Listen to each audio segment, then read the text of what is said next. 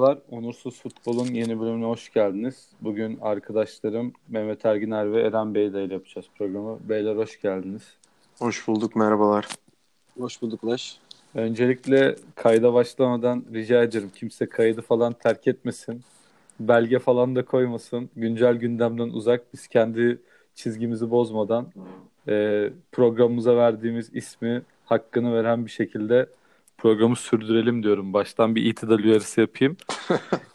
İsterseniz haftanın e, bana göre tek güzel maçı olan Galatasaray-Başakşehir maçıyla başlayalım.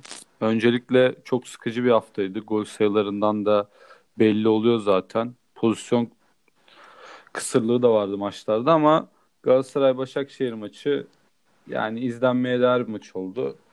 Galatasaray 2'de 2 yapmış oldu. UEFA Kupası'nda da hafta içi Nefçi Bakü'yü eleyerek bir üst yükseldi. Yani beklentilerin uzağında formda girmiş bir Galatasaray şampiyonluk rehavetini atamamış, yenilenememiş bir Başakşehir görüntüsü vardı. Maçla ilgili görüşlerinizi alalım. Eren senle başlayayım. Oradan Mehmet'le devam edelim. Maç dediğim gibi haftanın maçı diyebileceğimiz maçtı. Hem beklenti olarak hem de oynanan futbol olarak. Diğer maçlar gerçekten çok durağan geçti. Futbol ilk hafta heyecanlı, ilk haftanın heyecanıyla biraz böyle pozisyonlar e, enteresan şık goller falan görmüştük ama bu hafta çok zayıftı gerçekten dediğin gibi. Derbiye dönersek pozisyon açısından bence zengindi. Ee, özellikle ya maçın ilk yarısından da ikinci yarısında da böyle orta sahaların çok oyundan koptuğunu, top bir o kaleye bir o kaleye gittiği anları 3-4 defa olduğunu hatırlıyorum en az. Ee, o açıdan maç böyle bir gitgeller yaşadı diyebiliriz ama e, bitiricilik anlamında ve topu kaleye hızlı götürme anlamında Başakşehir daha zayıf kaldı. Galatasaray genel olarak bence hakemin de çok konuşulduğu bir maçtı. Ama bence sonucu değiştirecek kadar bir hakem hatası olduğunu düşünmüyorum. Galatasaray oyun olarak net üstün oynadı yani. Mehmet Ve sana haklı bir galibiyet aldı. Teşekkür ederim Eren. Mehmet sana e, Eren'in söylediğine birazcık referans alarak soracağım. Yani İrfan'la Mahmut'u bu kadar kötü gördüğüm bir maç olmuş muydu? Onları kötü gösteren ya ben Taylan'la Belhanda'nın performansının olduğunu düşünmüyorum. Onların performansı kendileri üzerinde iyi ama Başakşehir'in orta sahasında da büyük bir düşüş ve temposuzluk vardı açıkçası. Yok tabii Taylan ya da Galatasaray orta sahasının ko- ortaya koyduğu oyundan dolayı Başakşehir bu kadar kötü değildi. Başakşehir Başakşehir gibi oynamıyordu. Yani İrfan ve Mahmut'taki düşüş aslında takımın geneline e, ben bunu söyleyebilirim. Mert Günok da dahil. E, sezonu çok iyi geçirmiş olmasına rağmen milli kaleci o dahil e, çok kötü bir performans sergiliyorlar. Ben rehaveti atamadıklarını düşünüyorum. E, sol tarafta Hasan Ali Kaldırım'ın etkisi de bunda biraz var gibi e, düşünüyorum açıkçası. Her programda Hasan Ali'yi böyle bastırıyormuşum, altını çiziyormuşum. E, ama yani Başakşehir'de rehavet var. O rehaveti birkaç hafta içerisinde atar mı, atamaz mı? E, Avrupa maçları da geliyor e, nasıl olacak bu Başakşehir pek anlayamadım. Geçen sene de aslında tam olarak böyle başlamışlardı. Ve sezonu evet. şampiyon tamamladılar ama yani şimdi gerçekten çok kötü bir görüntü çiziyorlar. Sivrilen bir topçu dahi yok. Vizcan'ın isteksizliği halen devam ediyor. İrfan ve Mahmut'un Ulaş senin de dediğin gibi inanılmaz etkisiz bir oyunu var. Yani, yani zaten onu sezmiş olsa gerek Berkay'ı koydu evet. yanlarına. Öyle başladı Okan Buruk. Ama o da bir hani, çözüm olmadı. Evet ya bir de şöyle de bir şey var. Ee, Galatasaray'ın önde basan hali bunu ilk Başakşehir'e karşı Abdullah Avcı Başakşehir'e karşı zannedersem Aykut Kocaman yapmıştı. Evet. Ve takım bir anda afallamıştı. Hatta Volkan Babacan'dan Mert Günah geçişini başlatmıştı Başakşehir'in. Hani Başakşehir'in bir tane bile hızlı oyuncusu olmadığı için çok rahat geçti maç aslında. Galatasaray maçta pro, pozisyon verdi. Evet. O da tamamen defansının uyum problemiyle alakalı. Aslında Galatasaray'ın bu maçı kesinlikle gol yiyerek bitirmesi gerekiyordu. Ama Eren'e katılıyorum o noktada. Yani 3-1-3-2 Galatasaray'ın kazanması gereken maçtı. Galatasaray'ın da kaçırdığı net pozisyonlar var. Ha burada sen Galatasaray üzerinde Galatasaray'ın erken bir form tuttuğunu düşünüyor musun? Onu sorayım Mehmet. Kesinlikle düşünüyorum.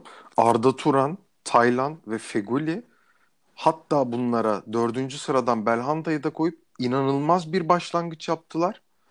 Ee, inanılmaz bir form yakaladılar. Ama ben bu formlarının e, erken tuttukları için e, devamının geleceğini düşünmüyorum.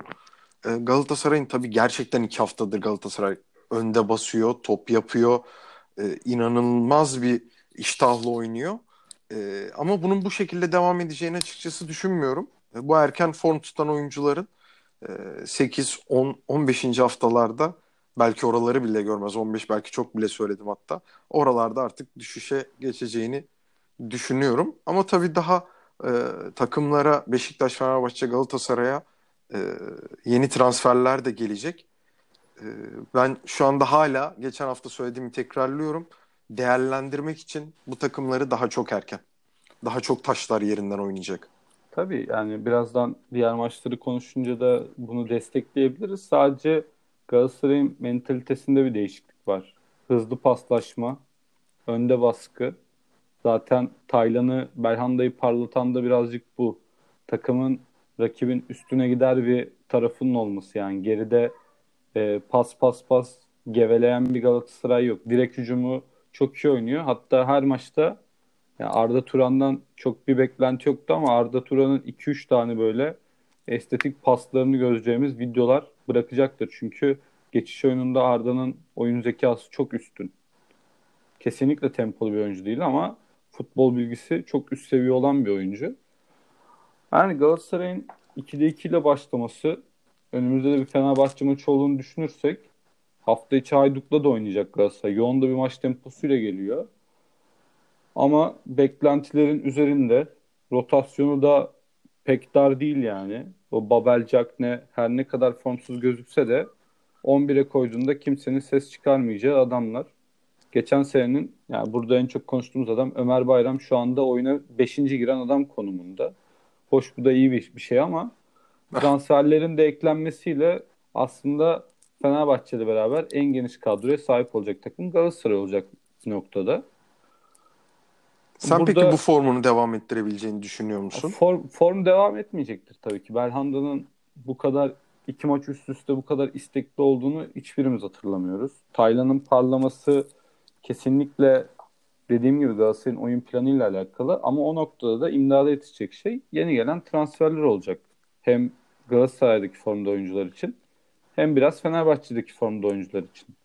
Ama eğer ki Galatasaray birazdan konuşacağız Fenerbahçe maçını da kazanırsa bence bu sene zaten bu iki takım arasında geçecektik. Ya şu 3 haftadan Galatasaray'ın 5 puan öne fırlamasını kimse beklemiyor olacaktı. İlerisi için uzun lig maratonunda büyük bir koz olacak Galatasaray için. Hani istersen buradan Fenerbahçe maçına geçelim. Bu hafta Beşiktaş ve Trabzon maçlarında kayda değer bir şey yok. İstiyorsanız onlarla ilgili bir iki cümle alın. Fenerbahçe maçıyla ben başlayayım oradan devam edelim. Var mıdır Beşiktaş Trabzon üzerinde eklemek istediğiniz bir şey? Ya açıkçası ben bu iki maç için şunu söyleyebilirim. Hakem hatalarının damga vurduğu maçlar oldu ve kısır maç olarak geçti. E, Trabzonspor maçında verilmeyen penaltı, Beşiktaş'ın son dakikalarda verilmeyen penaltıları gibi hakemler damga vurdu. Ama iki takım da hem Beşiktaş hem Trabzonspor formsuzdu. E, iyi bir görüntü çizmediler. Ama Trabzonspor'un e, Malatya maçıyla, evinde oynayacağı Malatya maçıyla artık çıkışa geçeceğini, bu kötü oyununa devam etmeyeceğini düşünüyorum. E, Beşiktaş için de e, birkaç haftası var diye düşünüyorum. Eren senin var mı Beşiktaş evet. Trabzon üzerinde? Maçlara dair değil de hani Trabzon'da Sörlot'un gidişi bir ufak çaplı bir kriz oldu. Orada bir eksikleri var. Beşiktaş'ta işte korona vakalarının artması hem PAF takımda hem A, A takımda gerekli Sergen'in e, gerçi artık döndü galiba son testi negatif çıkmış. Ya bu tarz krizler bir şey yaşattı o yüzden sahaya çok odaklanamadıklarını düşünüyorum. O yüzden e, hakem hataları falan filan hani oradan puan arar durumdalar. E, oyun olarak çok fazla bir şey yoktu. Ama toparlayacaklardır giderek. Tabii dediğin gibi dediğin nokta önemli. O sırada e, Galatasaray e, puan farkını çok açıp ilerleyebilir. Fenerbahçe de şimdi konuşacağız. Fenerbahçe de dün kazanmış olsaydı aynı şey onun için de geçerliydi ama dün bir puan alarak e, yola devam etti. O yüzden biraz önümüzdeki haftada derbi olmasından dolayı bu iki takımın birbiriyle karşılaşacak olması diğer takımlara da biraz daha şey verdi. Fırsat vermiş olacak. Aynen. İsterseniz Fenerbahçe ile ilgili ben ufaktan yorumlarımı yapayım. Yani Mehmet'in dediği gibi e, takımlar için genel analiz yapmak çok zor. Bence Erol Hoca da bu maç bütün takımı göreyim yaptı. Ya maç inanılmaz kısır bir maç oldu Fenerbahçe maçı. Hani izlerken gerçekten özellikle ilk yarı çok zorlandık. Hiçbir pozisyon yok. Zaten Hatay maçı şut atmadan tamamladı. Ee, yani maçın skorundan ziyade herkesi bir göreyim. Yoksa Caner Novak değişikliğinin pek bir anlamı yok yani maçta. Orada Caner'le de Erol Hoca arasında ufak bir bu sene göreceğimiz sıklıkla ufak bir iletişim kopukluğu oldu. Bence çok normal Caner söz konusu olduğunda. Hani Fenerbahçe için daha bir deneme maçı oldu. Tabii Vedat Muriç gittikten sonra ve orayı kesinlikle doldurması gereken bir forvetin ihtiyacı bas bas vardığı için Fenerbahçe'nin oyun planından çok bahsedemiyoruz şu anda. Ne oynadığını anlamak için öncelikle ana forvetin gelmesi gerekiyor. Ama takımda görülen o ki ya orta sahadaki kurulacak üçlü çok önemli olacak. Bir kere Sosa kesinlikle gerekiyor. Onu bir kez daha görmüş olduk lig başında. Hani ben Ozan'ın sezona bu kadar formsuz girmesine kesinlikle anlam veremedim Fenerbahçe'de. Bir de kanat alternatifi de nasıl forvet kadar önemli. Yani bu yaşta Ferdi Kadıoğlu'nun üstüne bu kadar yük bırakılmaz gibi düşünüyorum. Onun dışında defansta Tisserand geldi. Lemos'u da dün gördük. Hatay çok zorlayamasa da muhtemelen alırsa Lemos Tisserand'la kapanacak. Başka da bir stoper alacağını düşünmüyorum ben Fenerbahçe'nin. Mehmet senle başlayalım. Maçla ilgili görüşlerin. Oradan da Eren'le devam edelim. Geçen hafta eleştirdiğim 2-6 numara e, bu hafta yine aynı kadroyla çıktı. E, oyunu çirkinleştiren, topu oynamak istemeyen 11 kişi topun arkasına geçen bir Hatay Spor vardı. Dediğin gibi maçı şut atmadan, herhangi bir hücum aksiyonuna girmeden maçı bitirdi. Fenerbahçe ne zaman top yapmak istese ya da adam geçse faulle durdurdu. E, oyunun güzel yönünü, yönünü hiçbir şekilde oynamak istemeyen bir Hatay Spor vardı. Tabii bunun yanı sıra Fenerbahçe'de e, organizasyondan çok uzaktı. E, bir teknik oyuncu aradı orta sahada pas bağlantısı kurabilecek ya da bir çalım atıp kafasını kaldırdığında bir araya salacak bir oyuncu aradı. İlk yarı boşa giden bir e, 45 dakika izledik. İkinci yarıda Sosa ve Sinan'ın oyuna girmesiyle e, oyun tabii Fenerbahçe'ye döndü, yüklendi. E, yüklenmesi de bir karşılık bulmadı. E, Tiam çok etkisizdi. Son 10 dakika Fenerbahçe'nin pozisyonları olmaya başladı. Artık o da kaos oyununa dönmüştü iş. Ee, son oyuncu değişikliği Caner'in oyundan alınıp e, yanlış hatırlamıyorsam Deniz oyuna girdi. Çok yanlış bir tercihti. Deniz'den niye böyle bir beklenti içerisindeyiz? Orada zaten oyun kaosa dönmüş. Top şişmeye başlamış. Havadan yere indiği yok topun. Neden Frey girmedi oyuna? Ee, Erol Hoca'yı iki haftadır hem kurduğu kadroyla beğenmiyorum. Bu haftada oyuncu değişiklikleriyle beğenmedim. E, tabii bu 11'e sağ kanada e, orta sahaya Mert Hakan ve Sosa, forvete de bir oyuncu gelecek. Yani toplamda 4 oyuncu dahil olacak.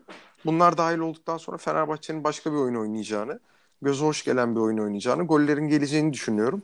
Ama bu hafta gerçekten e, kazanması gereken bir haftada e, gerçekten çok şanssız bir şekilde berabere kaldı. Ee, önümüzdeki hafta zor bir maç Fenerbahçe'yi bekliyor. Senin de biraz önce değindiğin gibi bir anda fark bambaşka noktalara gidebilir ve ligin başında bu farkları yapan takımlar e, çok rahat edecekler. Eren'e geçmeden Mehmet sana bir şey soracağım. Aslında kendin cümle içinde dile getirdin ama Mert Hakan'la Sosa'nın beraber 11'de olmasını düşünüyorsun anladığım kadarıyla. Yani Doğru. orta planın senin kafanda Gustavo Sosa, Mert Hakan mıdır? Ozan kenarda gibi mi düşünüyorsun? Şimdi şöyle Ozan ben Ozan'ın kesinlikle oynaması gerektiğini düşündüğümü söylemiştim geçen hafta ama dediğin gibi Evet, Ozan çok kötü Ozan, başladı Ozan, sezona. Ozan'ı sevdiğini bildiğim için zaten bu konuyu birazcık da sormak istedim. Hem E- sevdiğin hem güvendiğin için.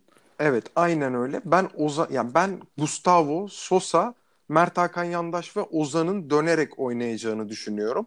Ama e, yani Ozan o kadar kötü başladı ki dediğin gibi. Acaba diyorum ki bir transfer çalışması vardı kafası mı orada acaba? Gerçekten çok kötü başladı çünkü. Geçen sene harika başlayan Ozan'dan e, yani eser yoktu.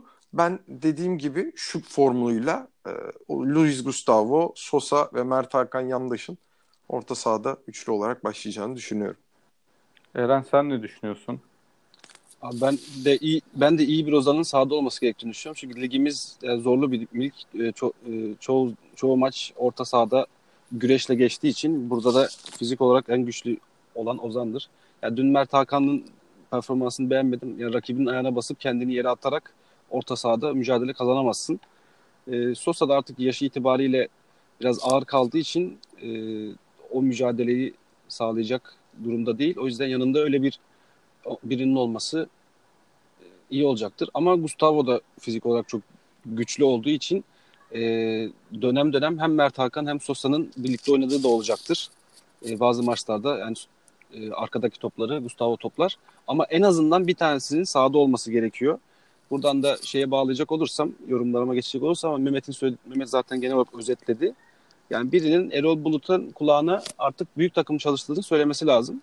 Bu takım iki tane altı numarayla başlamayacağını, bunun hoca götürdüğünü, Fenerbahçe'nin böyle hoca kaybettiğini, işte oyuna müdahale yedek e, kulübende yedek forvet varken kötü de olsa sen beğenmiyor da olabilirsin. Bunu oyuna sürmen gerekir.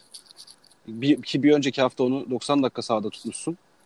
Bir sonraki hafta bir dakika bile sahaya almıyorsun. İlginç kendinle çelişiyorsun. Ee, yani oyun olarak çok bir şey göremedik. Yani ilk haftalarda çok da bir şey beklemiyoruz ama artık geçen hafta eleştirmeyeyim dedim daha ilk maç diye ama şu an eleştiriyi hak ediyor yani sonuna kadar. Ayrıca rakibin 9 kişi düşmüş. Sen hala neden iki tane stoperle oynuyorsun? Ve kaleye bir tane bile şut çekmemişler. Yani bırak iki stoperi, bir stoperi hiç stoperde almayabilir, tutmayabilirdin oyunda. O kadar üstünlüğün var yani. Caner Sayı değişikliğinde olarak. bir stoper alıp Frey'i atması daha doğru olmaz mıydı sence Eren? Ne diyorsun? Ben yani son ana kadar onu bekledim zaten. Yani stoperin biri çıkacak ve forvet girecek ya da stoperlerden birini forvete göndermesini bekledim. Ya ben de onu bekledim. Fatih Terim mesela çok yapar onu hatırlarsınız. Ben de öyle bir şey bekledim biliyor musun Eren? Abi, Ama yani kulübede rakip, Frey varken ona da gerek yok zaten. Rakip antrenör Ömer Erdoğan olduğu için Türk futbolunda bu olayın referansı bence çalıştırmıştır diye yapmamış olabilir. Yani Bursa'da Ömer Bursa şampiyonunda Ömer Erdoğan ya bu işi Türkiye'de yapan ilk insan patenti onda. Evet, aynen hani şaka bir yana bunu kesinlikle yapması gerekiyordu. Hani en azından Zanka ya da Lemos'tan birini ileri atsa orayı karıştırır. Hani Frey'e güvenmiyorsun ya da düşünmüyorsun. Hani benim orada tek bir düşüncem oldu ama bunu tabii ki de çok ihtimal vermiyorum. Acaba derbide Galatasaray'ın Omar Feguli kanadından korktuğu için savunması daha iyi olan Novak'ı oynatabilir miyim acaba diye Novak'ı bir görmüş görmek istemiş olabilir mi? Yani derbiye Caner yerine Novak'ta çıkma fikri olabilir mi Erol Hoca'nın kafasında? Ha, bence de olmaz. Bu direkt Caner'i kaybetmek olur 3. haftada. Ama mantıklısı aslında Novak'ın oynaması. Galatasaray'ın sağ kanattaki oyuncu profillerine bakarsak. Bak Eren şöyle bir şeyim var abi. Katılır mısın bilmiyorum. Şu kadroyla yani Forvet'te Frey olarak söylüyorum. Şu kadro ya da şöyle söyleyeyim. Şu orta sahayla haftaya Galatasaray maçına çıksa kabul müydün? Ben Değilim kabulüm. Abi. Ha, yani Oyunu tutmak açısından de... söylüyorum. Bu kadar gümbür gümbür bir Galatasaray karşı. Genel olarak değil. Ama içeride Hatay'a karşı bu şekilde oynayamazsın abi iki altı numarayla. Bak e, haftaya e, tabii, oynarsa evet. ben eyvallahım. Orta sahayı haftaya... tutmak adına gümbür gümbür bir Galatasaray'a karşı. Bence haftaya zaten 4-6-0 oynayacak. Erol Bulut. Olabilir. Olabilir. Yani ne Ener Valencia ne Frey'in ol, olmayacağını düşünüyorum. Ya Tiam ya da Valencia'dan biri oynar. Muhtemelen Sosa, Mert Hakan, Gustavo, Ozan dörtlüsü aynı anda sahada olur. Galatasaray'ın orta sahasını parçalamaya çalışacak. Yaratıcı oyuncu olarak da Ferdi oynar muhtemelen sadece. Belki Sinan. Mesela şu maçta ben olsam Sinan'la başlardım sağ tarafta. Çünkü direkt takımın gole ihtiyacı var. Kanat olarak Türkiye'de bunu en iyi yapan oyunculardan biri Sinan Gümüş. Hani ne kadar Fenerbahçe'nin ana oyun planında olmalı tartışılır ama takım şu durumdayken Sinan bu arada çok istekli gözüküyor en azından yüz ifadesi, vücut dili. Fenerbahçe'de gerçekten çok oynamaya aç. istekli gözüküyor. Çok şaşırıyorum ben bu durumuna ama Sinan'ı kullanabilirdi. Hani derbi oyun planında Mehmet'in dediği gibi kesinlikle çift altı numara oynayacak. Yani bu Tolga Gustavo mu olur, Ozan Gustavo mu olur bilmiyorum ama Fenerbahçe önlem alarak gelecektir. Zaten bu üretkenlik sıkıntısı olan Fenerbahçe'den ya Galatasaray'da kalede Musler olsaydı ben Galatasaray haftaya gol yemez derdim yani. Maksimum bir tane gol yer. Mantıken şu Fenerbahçe oyunuyla ve Erol Bulut'un bu oyun kafasıyla. Ama onu da ya hazırlık maçlarında izlediğimiz o Antalya maçında falan izlediğimiz Fenerbahçe ile Rize maçının ilk 20 dakikası izlediğimiz Fenerbahçe ile alakası olmayan bir maç oynandı. Derbiye çalıştı gibi yorumlamak istiyorum. Ben Erol Hoca'yı beğendiğim için genelde hani Eren'in dediği gibi birazcık büyük takım hocalığını yapması için belki de forvetinin gelmesini bekliyor. Ya Eren Ulaş şu anda bizim e, ateşe atmaya çalışıyor. İlk haftalardan Erol Bulut'a daha fazla yüklenmeyelim kardeşim. Bu oyunlara gelmeyelim. yok, Ulaş yok, şu anda er... kuyuyu kazıyor. Bizi içerisine Hayır. attırmayı bekliyor. Hayır. Ya bak er, ben girerken söyledim zaten. Erol Bulut maçı deneme maçı olarak gördü. Yoksa hazır olmayan Mert Hakan'ı, Nova falan atmazsın sahaya önümüzdeki hafta hem Sosa hem Mert Hakan'la başlayacaktır diye tahmin ben ediyorum. De, ben de öyle düşünüyorum. Ben de öyle düşünüyorum. Çünkü dediğim gibi Galatasaray'ın zaten hafta içi nasıl bir kadroya çıkacağını tam kestiremesek de Hayduk Split maçı var Perşembe günü. Üç gün sonra Fenerbahçe maçı var. Hani Galatasaray 14 gününde 5. maçına çıkmış olacak Fenerbahçe evet, Bu yoğun beraber. tempo işte derbi de bizim işimize yarayacağını düşünüyorum. Bence de o yüzden işte orta sahayı Fenerbahçe almak için daha orta saha ağırlıklı bir kadroyla çıkacak gibi düşünüyorum. Evet. Hani forvetsiz 4-6-0 gibi ya da Tiam ya da Valencia'dan biri sahte 9 gibi çıkar deme düşüncem tamamen Galatasaray'ın Hayduk Split maçıyla alakalı. Zaten eğer Galatasaray'ın hafta içi bir maçı olmasaydı derbinin net favorisi derdim ben Galatasaray için. Şu anki durumuyla. Bir de Sarakki'nin de sakatlanması kötü oldu orada. He, oynamayacak diyorlar. Evet Fenerbahçe Galatasaray'ın sağ, sol kanadını çökertebilir. Orası Arda Lines'le çok bir şey olmaz yani. Gökhan Gönül Fenerbahçe'nin kilit adamı maçta. Direkt yaz. Sosyal ligi al, kenarda dursun. Öyle. Yani derbiyle ilgili başka sizin görüşleriniz var mıdır? Eren sana sorayım. Mehmet'le biz birazcık yorumladık. Senin görüşün nedir derbide? Yani Galatasaray'ın kadrosunun az çok bu hafta Başakşehir maçına çıkan kadrodan muhtemelen Sarak yerine sadece Lines değişik olacak. Aynı kadro bekliyoruz. Daha çok Fenerbahçe'nin ne yapacağı belirleyecek gibi duruyor. Ben açıkçası derbi öncesi daha çok rotasyon yapacağını düşünüyorum. Yani Nefçi maçında bildiğim kadarıyla 5-6 oyuncu değiştirmişti. Burada da yine aşağı yukarı onun kadar oyuncu değiştirecektir. Çünkü derbi sonuçta. E, bir de çok yoğun bir maç programıydı. En azından bazı oyuncularını e, işte Falcao olsun, yaşlı oyuncuları daha derbiye saklayacaktır. Tabii Nefçi maçı da önemli. Şey, e, Hayduk maçı da önemli. Tek maç çünkü. Onu da kaybetmek istemeyecektir. Ee, dediğim gibi yani hafta içi böyle bir maç olmasaydı, hele bir de maç seyircili olsaydı şu an e, Galatasaray e, ot, ot, henüz oturamamış, yeni yeni hocasıyla oturamamış Fenerbahçe karşısında net favori olacaktı. Ama şu an seyircinin olmaması, Galatasaray'ın da nispeten yorgun gelmesi dengeleri bile biraz eşitledi. Bu da Fenerbahçe'nin şansına. E, ama yine de Fenerbahçe'nin e, yani derbilerin her zaman havası da farklıdır. İki haftadır Fenerbahçe hep gol yememek üzerine kurulan takımlara karşı oynadı. Çaykur Rize maçta öne geçmişti 1-0. Hatay'da zaten Eren'in bağlantıda bir sorun oldu herhalde. Evet. Bir anda düştü. Orada ben tam şeyi söyleyecektim e, derbi havası farklı olur dediğinde dalacaktım aslında. Birazcık benim şeyim de olmuş olabilir. Avantaj birazcık da şu Fenerbahçe'de derbi oynamayı bilen oyuncuları var şu anda. Caner'le Gökhan'ın dönmesi, artık Ozan'ın o profilde olması, Sosa Sosa'nın gibi Türkiye tecrübesi. Tabii, Sosa, Sosa gibi oyuncunun olması. Neydi? Ama bu sefer aynen Sosa'nın da olması büyük bir avantaj sağlayacaktır diye düşünüyorum Fenerbahçe'ye maçta. Evet ya ben ortada bir dengeli bir maç geçeceğini düşünüyorum açıkçası. Galatasaray'ın o gümbür gümbür oyununu Fenerbahçe'ye karşı oynayıp Fenerbahçe'nin bu hafta oynadığı kadar e, basiretsiz kalacağını düşünmüyorum. Güzel bir derbi olacağını düşünüyorum kendi adıma. Yani Galatasaray'ın topu Fenerbahçe'ye bırakıp önde baskıyla yine bir şekilde bu sezon oynadığı ana oyununu oynaması gerekiyor. Diğer türlü pas pas pas o kadar orta sahası olan bir Fenerbahçe açmak çok kolay değil yani. Sezonun şu döneminde takımlar tam oturmamışken. Ama keyifli bir maç olacak diye düşünüyorum yani. Bu haftaki Galatasaray Başakşehir maçı gibi keyifli pozisyonlu bir maç bekliyorum açıkçası. Umarım öyle olur. Ee, hakem şansı da hakemin yanında olur. Hakem konuşmuş olmayız derbide de. Hakem kim olur vallahi hiç belli değil. Var yani mı bir tahmin? Halil Umut Meler diyorum ben. Halil Umut Meler. Bilemedim. Ben tahmin Eren, yapamadım Eren şu anda. geldi mi şu anda? Evet buradayım. Ha. Halil Umut Meler önceki MYK'nın çok güvendiği genç hakemlerden bir tanesiydi. E, Tabii yeni MYK'nın bakış açısını bilemiyorum ama dediğin gibi e, şu an böyle bir der- bu derbiyi hak etti. Daha önce de alacaktı ama e, ortamın şartlarından dolayı alamamıştı diye hatırlıyorum derbiyi. Rıdvan Dilmen kimi atar maça kanka? Rıdvan ne derse o olurmuş ya. Öyle öyleymiş meğersem. Ya maçın hakemi bence seyircili olmadığı için çok da önemli değil. Hani bu hafta da hakemler yine belli hatalar yaptı, var yardımcı oldu ama iki haftadır kötü yönetim olsa da çok skoru etki edecek bir hata görmedim ben.